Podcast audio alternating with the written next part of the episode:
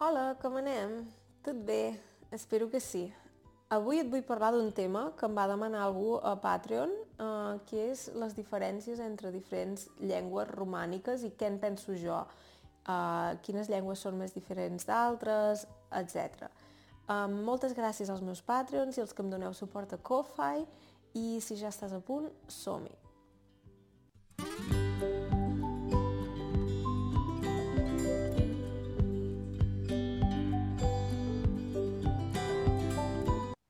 Les llengües romàniques m'agraden moltíssim. Crec que, que no és cap secret perquè parlo català i castellà, diguem-ne, des de petita. Llavors vaig aprendre francès a l'escola i a la universitat i més endavant vaig aprendre italià. I també entenc el portuguès i entenc l'occità. Què passa amb el romanès? L'entenc també? Hmm, és una mica complicada aquesta pregunta. El romanès eh, té molta influència eslava i quan rebo missatges en romanès, a vegades al meu canal de YouTube, sí que els entenc una mica. Um, diria que si és romanès escrit l'entenc um, més o menys 50-60%. També depèn del context, etc. En canvi, si és parlat, em costa moltíssim entendre'l, no, no l'entenc. En canvi, si parlem de l'occità o el portuguès, són llengües en què no em costa gaire llegir. Um, diria que ho entenc gairebé tot, depèn també del context, evidentment, però són llengües molt més fàcils d'entendre per mi. Um, I realment, o sigui, si hagués de dir quines llengües romàniques s'assemblen més, um, diria que hi ha un tema interessant amb el castellà, perquè he llegit sobre aquest tema i, evidentment, per motius històrics, el castellà té més influència de l'àrab que les altres llengües romàniques i crec que és molt interessant. En canvi, hi ha paraules que en totes les llengües romàniques s'assemblen més i en canvi una mica menys en castellà.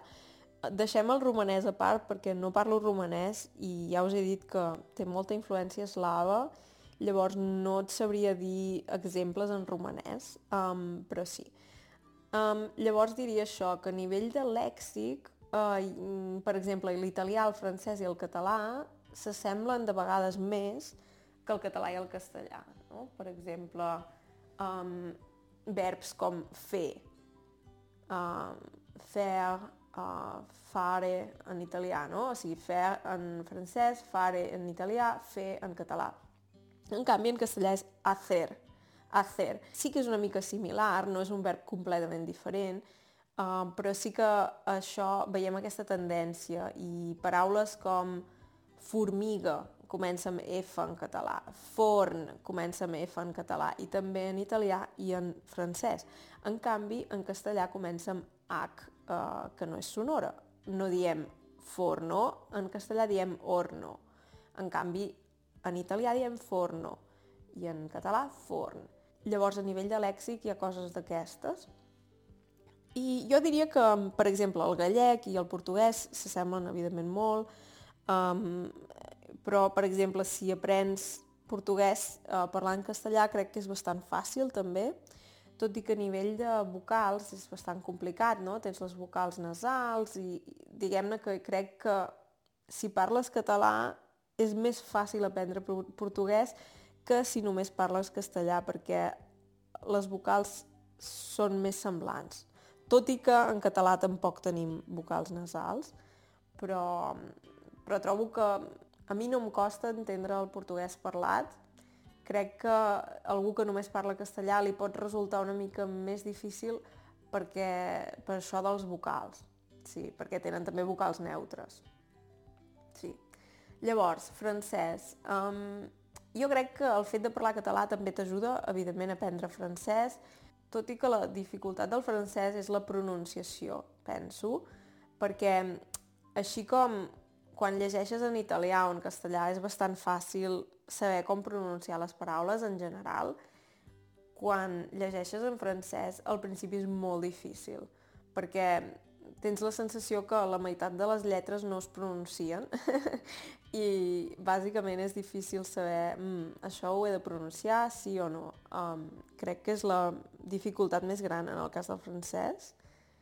I sí, l'italià, clar, jo quan vaig aprendre italià ja parlava català, castellà i francès i llavors crec que és la llengua que em va resultar més fàcil, tot i que l'italià també té certes dificultats, per exemple, a nivell dels plurals. L'italià fa el plural amb la E i amb la I, a diferència de les altres llengües romàniques, com serien eh, el castellà, el català o, o el francès. Crec que el portuguès també fa el plural amb la S. En canvi, l'italià fa el plural amb la I i amb la E. És interessant, sí. L'altre dia vaig veure un vídeo que deia que, que això de la E i la I ve del llatí. Ara jo no, no ho sé perquè no me'n recordo. Jo havia après llatí eh, quan era estudiant, però ja no me'n recordo i que això de la S, del plural de la S, que ve del, del, de l'anglès, uh, deien en aquell vídeo, però no ho sé, eh? no ho he comprovat. Um, de totes maneres, veus això, que comparar les llengües romàniques crec que no és tan fàcil, perquè, per exemple, el català i el castellà han estat en contacte molts més anys i això també fa que a nivell de lèxic hi hagi paraules que són molt semblants, però en canvi, per exemple, el, el castellà té aquesta influència més clara de l'àrab um, i, i en canvi el català té vocabulari que potser s'assembla més al francès i a l'italià i llavors això que dèiem, que el romanès queda una mica a part, no? perquè ha tingut uh, més influència eslava. Sí, i és un tema interessant, no sé tu què en penses, um, segur que seria molt interessant saber què en penses si, per exemple, uh, no ho sé, eh, la teva llengua materna és el francès o, o el romanès o el portuguès o potser fins i tot l'anglès, perquè l'anglès um, ha tingut molta influència romànica. Quan estudiava lingüística fa anys, um, un professor ens va explicar que, que l'anglès tenia el 40% de vocabulari romànic. Llavors, realment, o sigui, no és una llengua romànica, però és una llengua amb una influència romànica molt important. Llavors, per això també, si la teva llengua materna és romànica, és més fàcil aprendre anglès a nivell de vocabulari. Sí. No sé, espero que t'hagi agradat aquest episodi i res, eh, moltes gràcies als Patreons i als que em doneu suport a Ko-Fi i si em voleu donar suport us podeu fer Patreons o fer donacions a Ko-Fi o subscriure-us al meu canal, deixar-me comentaris, m'agrades, etc. Molt bé, moltes gràcies, doncs que vagi bé. Adeu!